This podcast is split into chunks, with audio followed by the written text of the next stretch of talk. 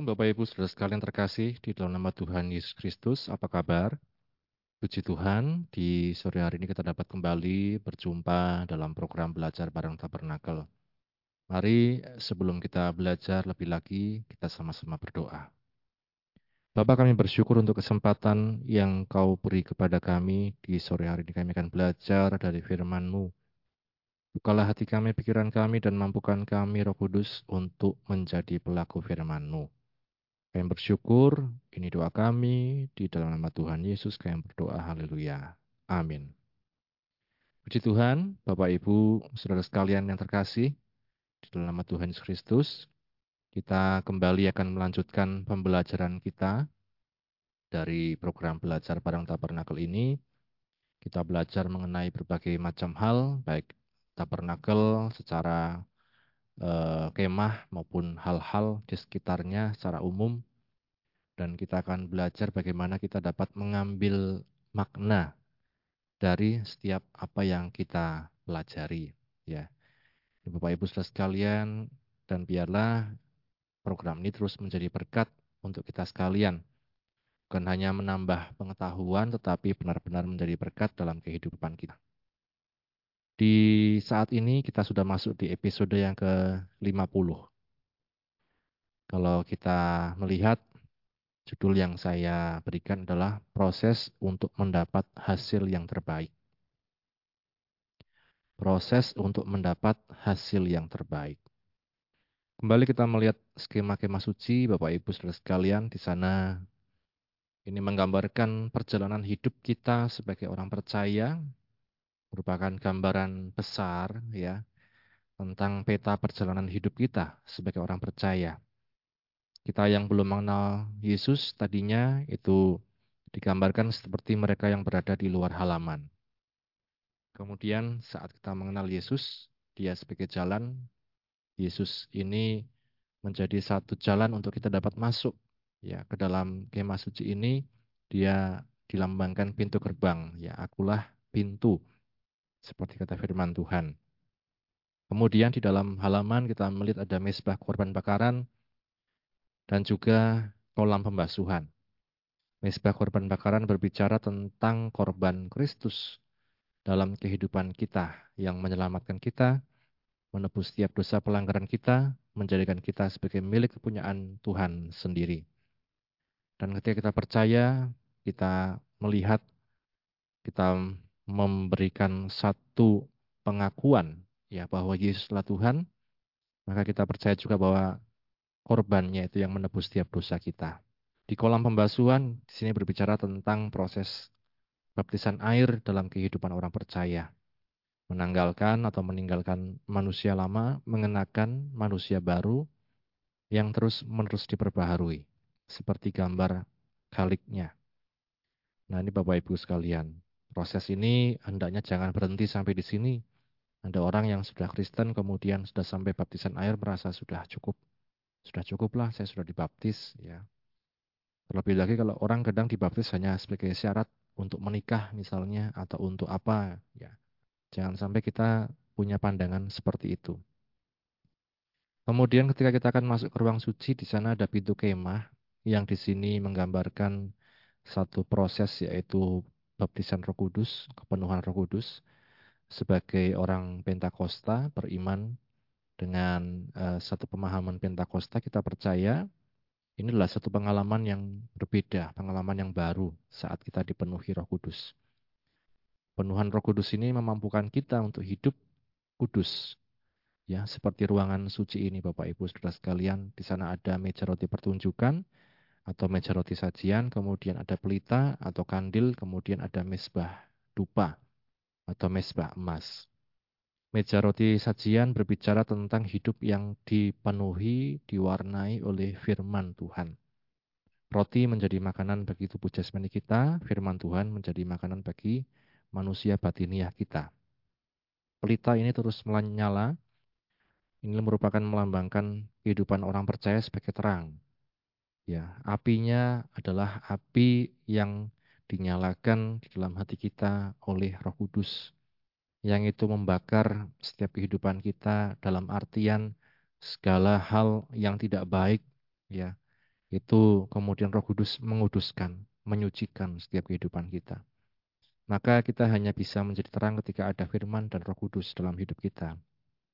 Kemudian mesbah dupa di sini di ujung sebelum masuk ruangan maha suci ini melambangkan satu hidup doa penyembahan. Kehidupan doa dan penyembahan yang bukan hanya di gereja atau saat persekutuan doa, tetapi juga saat sehari-hari kita menjalani hidup kita, Bapak Ibu Saudara sekalian. Kita bisa menaikkan doa penyembahan kita di dalam hati, dalam setiap pekerjaan yang sedang kita kerjakan. Kemudian kita masuk kembali, kita masuk lagi, di sana ada pintu tirai. Inilah ya melambangkan satu kekuatan yang luar biasa dari kemanusiaan, kedagingan. Di bait suci, pintu tirai itu terbelah ketika Yesus tersalib. Artinya kita hanya dapat masuk ya ke ruangan maha suci, ke hadirat Bapa di surga ketika kita beriman pada Tuhan Yesus karena dia membuka jalan yang baru untuk setiap kehidupan kita. Di ruangan maha suci inilah dikatakan ada tabut perjanjian, ada hadirat Allah, persekutuan yang intim dengan Bapa di surga. Maka Bapak Ibu Saudara sekalian, kita sebagai anak Tuhan, mari terus kita berproses dan berprogres dalam arti kita semakin ingin diperbaharui tiap-tiap hari, semakin ingin mengerti rencana Tuhan dalam kehidupan kita tiap-tiap hari. Kemudian Bapak Ibu Saudara sekalian, kita melihat di Rabu yang lalu kita belajar tentang sarana dan prasarana dalam ibadah. Kenapa saya mengatakan ini? Karena kalau kita melihat tentang pekerjaan dari para ahli yang sedang merancang bangun dan juga membuat berbagai macam alat dalam tabernakel ini dapat digolongkan dengan sarana prasarana dalam ibadah. Di Keluaran 36 ayat 8 di sana dikatakan, lalu semua ahli di antara tukang-tukang itu membuat kemah suci dari sepuluh tenda, dari lenan halus yang dipintal benangnya, dan dari kain ungu tua, kain ungu muda, dan kain kirimisi dengan ada kerupnya, buatan ahli tenun dibuat orang semuanya itu. Seberapa penting sarana prasarana dalam ibadah, Bapak Ibu Saudara sekalian? Kalau kita melihat tadi, kenapa sampai harus ada ahli-ahli, tukang-tukang yang diminta untuk membuat berbagai macam piranti, peralatan dari kemah suci. Ya, kita melihat juga zaman sekarang, Bapak Ibu, betapa orang sangat mementingkan sarana prasarana ibadah harus di gedung yang mewah, harus ber AC, harus alat-alatnya yang paling canggih dan lain sebagainya. Kita melihat bahkan sampai terjadi dalam tanda kutip semacam persaingan kalau di kota-kota besar ya. Mana yang alatnya paling canggih dan lain sebagainya. Mana yang paling nyaman dan lain sebagainya. Nah ini Bapak Ibu saudara sekalian. Dalam Kamus Besar Bahasa Indonesia, sarana dikatakan sebagai segala sesuatu yang dapat dipakai sebagai alat dalam mencapai maksud atau tujuan, alat dan juga media. Sedangkan prasarana, segala sesuatu yang merupakan penunjang utama terselenggaranya suatu proses, baik itu usaha, pembangunan, proyek, dan sebagainya. Dan kalau kita melihat secara sederhana Bapak Ibu saudara sekalian bahwa berdasarkan definisinya, sarana ditujukan untuk benda-benda yang dapat dipakai secara langsung dan dapat dipindah-pindah ya portable, mobile seperti meja, komputer, kursi, pulpen dan sebagainya. Sementara prasarana umumnya ditujukan kepada yang lebih luas lingkupnya, benda yang tidak dapat bergerak dan merupakan maaf dan merupakan fasilitas penunjang sarana dari pelaksanaan proses. Seperti misalnya gedungnya, gedung sekolah, ruangnya, ruang belajar, taman, lapangan, dan sebagainya. Ini Bapak Ibu saudara sekalian. Sarana cenderung bersifat habis pakai, yakni barang yang dapat digunakan sekali atau masa penggunaannya pendek. Sedangkan untuk prasarana bersifat tidak habis pakai atau dapat dipakai berulang kali dan masa pakainya tergolong lama. Nah ini Bapak Ibu sekalian kita melihat gambaran kemah suci di masa Musa berbagai macam alat, piranti, ya ada tenda, ada kain, ada kayu dan lain sebagainya. Kita melihat ini semua digunakan untuk satu peribadatan kepada Tuhan. Jadi apakah sekedar alat tanpa makna? Ya. Jadi apakah hanya sekedar alat tanpa makna? Kalau kita bicara tentang sarana prasarana, tentu tidak seperti itu ya. Sarana prasarana setidaknya kita memiliki tiga hal yang patut kita lihat, yaitu apa maknanya, ya, apa tujuannya, apa fungsinya dalam satu ibadah. Esensi ibadah atau nilai inti ibadah itu Bapak Ibu kalau kita lihat di Yohanes 4 ayat 23 bahwa dikatakan manusia itu dikatakan menyembah Allah dalam roh dan kebenaran. Allah itu roh, barang siapa menyembah dia harus menyembahnya dalam roh dan kebenaran. Artinya esensinya sebenarnya bukan sekedar sesuatu yang kelihatan di luar, tetapi esensinya adalah bagaimana roh kita, ya itu dikatakan beribadah, dapat dikatakan berinteraksi, dapat menjalin satu komunikasi hubungan dengan Bapa di sorga. Ya, maka di Roma 8 kita kemarin baca, roh itu bersama-sama dengan roh kita bersaksi bahwa ya Aba ya Bapa. Jadi ini Bapak Ibu saudara sekalian, esensi dalam ibadah sebenarnya bukan ruangannya, bukan peralatannya, tetapi hati kita, apakah roh kita dikatakan itu terhubung, berkomunikasi dengan Bapa di surga. Yang itu dikatakan oleh uh, Yesus menyembah Bapa dalam roh dan kebenaran ya bukan ngeroh yang sembarangan tetapi dalam kebenaran juga ada firman Tuhan di dalamnya. Itulah esensi dalam peribadatan Bapak Ibu Saudara sekalian. Maka selain mengetahui tujuan dan fungsi, kita perlu mengetahui atau memberi makna pada tiap sarana prasarana yang kita pakai saat ibadah. Sarana dan prasarana seharusnya tidak menghilangkan atau mengurangi esensi peribadatan, penyembahan, pengagungan manusia kepada Tuhan. Kemarin saya mengambil contoh, misalnya kita pakai alat musik, apa tujuannya, fungsinya, misalnya untuk membantu uh, satu pujian dan penyembahan. Ya, kalau ada orang menyanyi lebih nyaman, enak diiringi musik misalnya. Tapi kemudian apa maknanya dalam kehidupan kita? Yaitu bagaimana kita menggunakan setiap talenta yang kita miliki, yang diberikan Tuhan untuk memuliakan nama Tuhan. Jadi kita main musik bukan untuk kesombongan, bukan untuk mengagungkan diri kita sendiri, tetapi untuk mempermuliakan nama Tuhan. Itulah maknanya Bapak Ibu Saudara sekalian. Tiap alat pun dikatakan kalau dalam sakramen misalnya perjamuan kudus, roti dan anggur itu biasa, tetapi kemudian kita ada maknanya. Roti itu tubuh Kristus, anggur itu darahnya. Ya, bagaimana kita bersekutu dengan tubuh dan darah Kristus, Bapak Ibu Saudara sekalian. Nah, ini makna, jadi ada makna, tujuan, fungsi, itulah Bapak Ibu, sarana dan prasarana dalam ibadah. Nah sekarang kita akan melanjutkan pembelajaran kita. Saya berikan judul proses untuk mendapat hasil terbaik.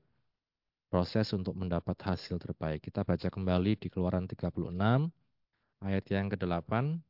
Di sana kita melihat lalu semua ahli di antara tukang-tukang itu membuat kemah suci dari sepuluh tenda dari lenan halus yang dipental benangnya, dan dari kain ungu tua, kain ungu muda, dan kain kirmizi, dengan ada kerubnya. Buatan ahli tenun dibuat orang semuanya itu. Kita melihat Bapak Ibu saudara sekalian, berbahagia setiap kita yang baca, mendengar, dan juga yang melakukan firman Tuhan. Ada beberapa benda di sini dan uh, mungkin kata-kata yang mungkin jarang kita dengar. Misalnya lenan, ya lenan itu semacam kain ya kain Bapak Ibu Saudara sekalian kain katun ya dipintal benangnya dipintal itu kemudian kita melihat ada proses untuk menghasilkan suatu benang kemudian ada lagi tenun ya kalau kita dalam Indonesia mungkin ada kain tenun dan lain sebagainya ada beberapa kata di sini yang menunjukkan proses Bapak Ibu segala sesuatu yang dihasilkan dari proses. Ketika benang dipintal, kemudian dihasilkan lenan. Ketika lenan dihasilkan digabungkan jadi 10 tenda. Nah ini Bapak Ibu, proses. Dan semuanya dikatakan ketika itu semua, kemudian ada juga corak tertentu dari buatan ahli tenun. Ya, nah ini Bapak Ibu. Maka saya katakan tadi untuk mendapat hasil yang terbaik ada prosesnya, pasti tidak bisa instan. Lenan atau linen dalam Kamus Besar Bahasa Indonesia itu dikatakan linen. Ya. Bahan dalam kurung kain dibuat dari rami halus, kuat, tampak berkilat dan dingin apabila dipakai. Jadi kita melihat Bapak Ibu dari satu pengertian ini saja ada proses yang kalau kita bayangkan cukup panjang. Dari rami ya halus, kuat, tampak berkilat dan dingin apabila dipakai. Jadi untuk membuat satu rami menjadi halus, kuat, berkilat dingin itu semua dikatakan ada satu proses. Kemudian tenun atau tenunan hasil kerajinan yang berupa bahan kain yang dibuat dari benang kapas sutra, dan sebagainya dengan cara memasukkan pakan secara melintang pada lungsin. Nah ini kata-kata yang mungkin tidak terlalu biasa. Abah-abah alat perkakas industri perusahaan. Jadi tenun, tenunan Bapak Ibu saudara sekalian. Ini merupakan satu proses yang sering kali kita tidak lihat secara langsung. Tapi tiap hari kita pakai baju, pakai kain. Ya, ini merupakan kalau dipikir-pikir kalau kita renungkan hasil dari satu proses yang sangat panjang. Nah, ini Bapak Ibu Saudara sekalian. Maka saya mengajak kita untuk uh, sejenak melihat video. Nah, ini saya ambil dari YouTube Bapak Ibu Saudara sekalian tentang proses pembuatan lenan atau linen. Kita dapat melihat bagaimana ada tumpukan tadi dikatakan rami ya dari tumbuh-tumbuhan kering kemudian diproses, diambil bagian-bagiannya. Kemudian ya itu Bapak Ibu di dalamnya kita melihat. Kemudian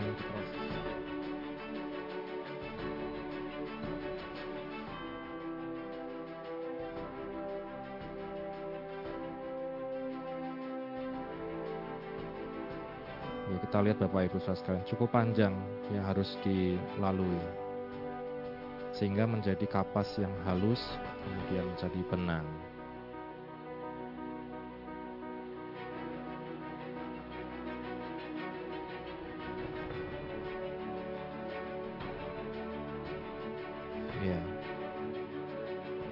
berbentuk rumbai-rumbai itu.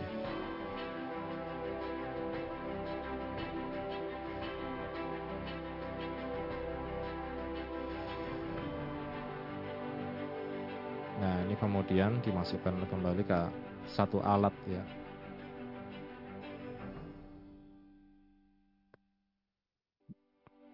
Karena pabrikan ini jadi cukup canggih Bapak Ibu alat-alatnya.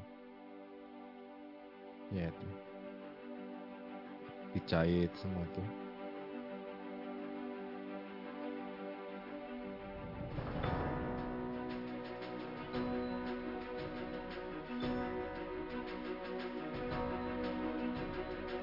tentu kalau zaman dulu belum ada seperti ini ya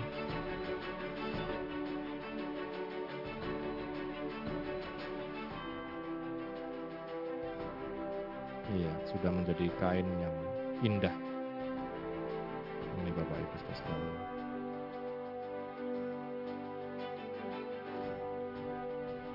Dari tumbuh-tumbuhan tadi diproses, dihaluskannya itu secara alami.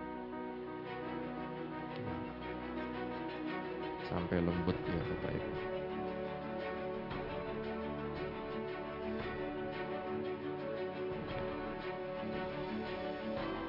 Disaring lagi yang halus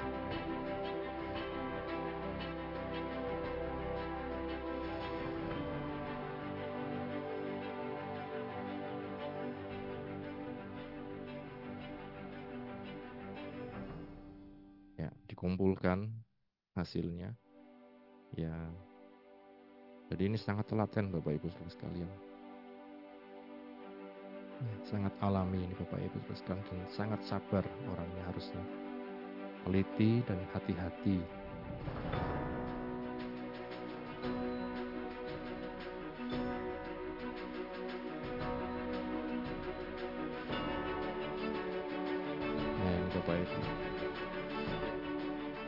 proses memintal, memilin.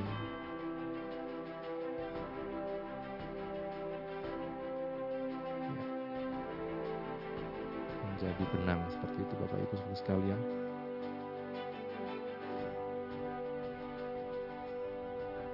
Yang tentunya sangat kuat. Kemudian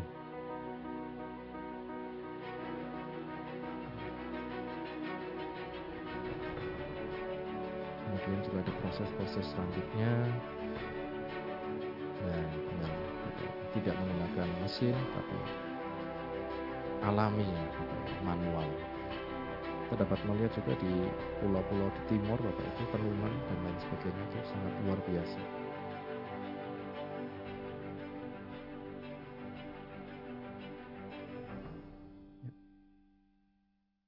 Itulah Bapak Ibu sudah sekalian menjadi gambaran untuk kita sekalian bahwa melihat semua itu kita tentu kembali merenungkan bagaimana proses dalam pembuatan dari kemah tabernakel.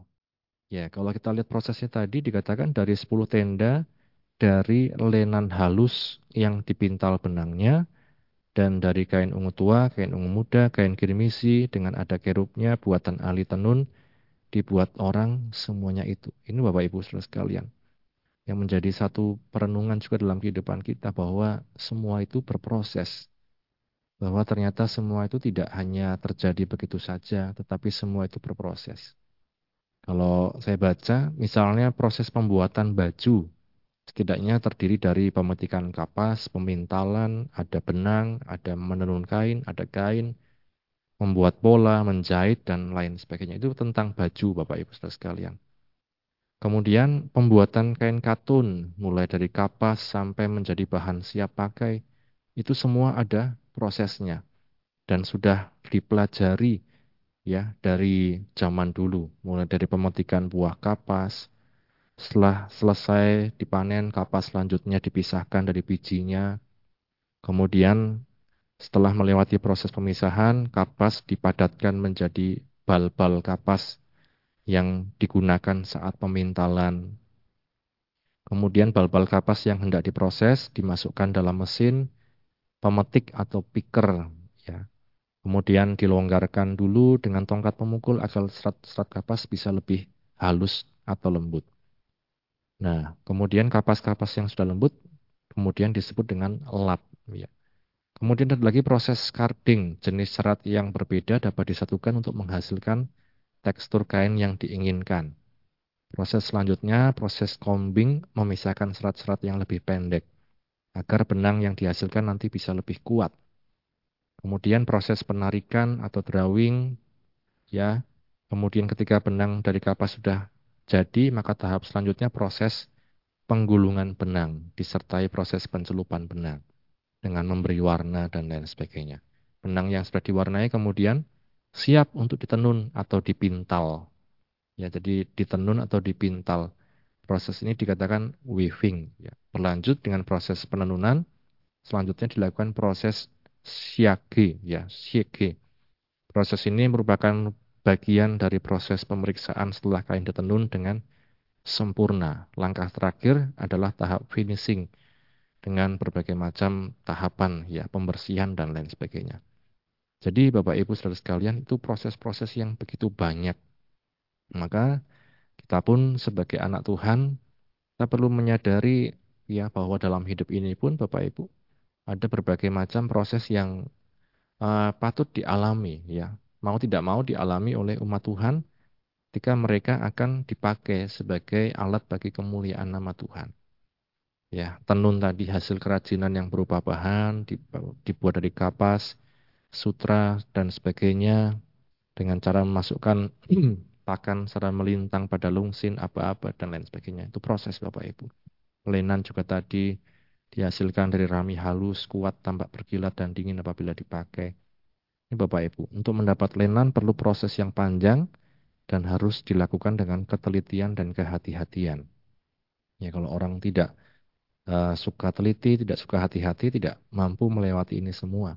Ya, kita pun hidup kita sebagai baik Tuhan oleh anugerahnya akan terus mengalami proses pembaharuan menuju kesempurnaan sesuai dengan gambarnya. Ya, kenapa saya katakan demikian? Karena kalau kita menyadari hidup kita, kalau dikatakan di 1 Korintus 6 ayat 19 misalnya, 1 Korintus 6 ayat 19, atau tidak tahukah kamu bahwa tubuhmu adalah bait roh kudus yang diam di dalam kamu, dan roh kudus yang kamu peroleh dari Allah dan bahwa kamu bukan milik kamu sendiri. Kemudian 1 Korintus 3 ayat 16, di sana dikatakan, tidak tahukah kamu bahwa kamu adalah bait Allah dan roh Allah diam di dalam kamu? Ya, dari ayat-ayat ini kita melihat kita pun kalau dalam bahasa di perjanjian lama adalah tabernakel-tabernakel bait-bait dari Allah. Nah, untuk kemudian kita terus menjadi tabernakel yang baik, bait Allah, hidup ini perlu diproses. Maka saya katakan proses untuk mendapat hasil yang terbaik. Artinya tidak bisa sembarangan Bapak Ibu dalam hidup ini, menjalani hidup ini. Ya, dalam secara umum pun orang kalau mau sukses, berhasil misalnya dia tidak bisa sembarangan. Ada proses yang harus dilewati. Nah, kita pun demikian sebagai Pak Tuhan. Maka saya katakan tadi kenapa kita perlu diperbaharui hari demi hari sesuai dengan gambar khaliknya. Kalau dalam Kolose kita melihat Bapak Ibu Kolose pasal yang ketiga ayat yang ke-9 dikatakan jangan lagi kamu saling mendustai karena kamu telah menanggalkan manusia lama serta kelakuannya dan telah mengenakan manusia baru yang terus-menerus diperbaharui untuk memperoleh pengetahuan yang benar menurut gambar kaliknya. Terus menerus diperbaharui itu artinya ada proses Bapak Ibu Saudara sekalian terus menerus diperbaharui. Tiap-tiap hari kita tidak lepas dari berbagai macam kelemahan, ya berbagai macam hal yang tidak sesuai dengan firman Tuhan, tapi kita mau terus menerus diperbaharui hari demi hari. Untuk apa? Segambar dengan pencipta kita. Nah, karenanya Bapak Ibu Saudara sekalian, saya katakan tadi, kita pun dalam hidup ini berproses. Hidup kita sebagai baik Tuhan, baik Allah oleh anugerahnya, jadi bukan dengan kekuatan kita sendiri, akan terus mengalami proses pembaharuan menuju kesempurnaan sesuai dengan gambar khaliknya. Ya. Hanya Kristus yang dapat menolong kita, hanya Roh Kudus yang memampukan kita dan oleh pengorbanan Kristus Yesus itulah dikatakan kita dimampukan, dilayakkan Bapak Ibu untuk menjalani setiap proses yang kita alami sekarang. Kita dikuatkan untuk sampai pada akhirnya maka kita tidak perlu alergi atau takut dengan berbagai macam proses yang sebenarnya sedang kita jalani sekarang ini Bapak Ibu. Ada mungkin yang terlihat sangat berat, tapi Tuhan tahu kekuatan setiap kita masing-masing. Dikatakan tidak akan diberikan pencobaan melebihi kekuatan kita. Ya, itu semua akan mendatangkan kebaikan ketika kita mencoba melihatnya dari perspektif Tuhan, ya perspektif ilahi bagaimana Tuhan mendatangkan kebaikan bagi semua orang yang mengasihi dia. Kiranya firman Tuhan ini menjadi berkat untuk kita sekalian. Mari sama-sama kita berdoa. Bapak kami bersyukur untuk firman-Mu yang telah kami baca, kami dengar, kami renungkan. Menolong kami untuk menyadari bahwa hidup kami ini akan terus berproses. Dan setiap kami yang sedang mengalami proses yang mungkin kami rasa tidak menyenangkan, biarlah kami mengetahui Tuhan bahwa Engkau pun ada bersama dengan kami, bahwa Engkau merencanakan kebaikan, mendatangkan kebaikan dalam setiap kehidupan orang yang mengasihi Engkau. Berikan kami hati yang mengasihi Engkau, setia padamu Tuhan sampai pada akhirnya, dan mampukan kami roh kudus untuk terus berjalan dalam kebenaran-Mu. Berkatilah anak-anakmu yang sudah mendengar firman-Mu, dalam apa pun yang menjadi pergumulannya, Engkau yang menolong. Yang bersyukur, ini doa kami, dalam nama Tuhan Yesus yang berdoa, haleluya. Amin. Puji Tuhan, Tuhan Yesus memberkati kita sekalian. Amin.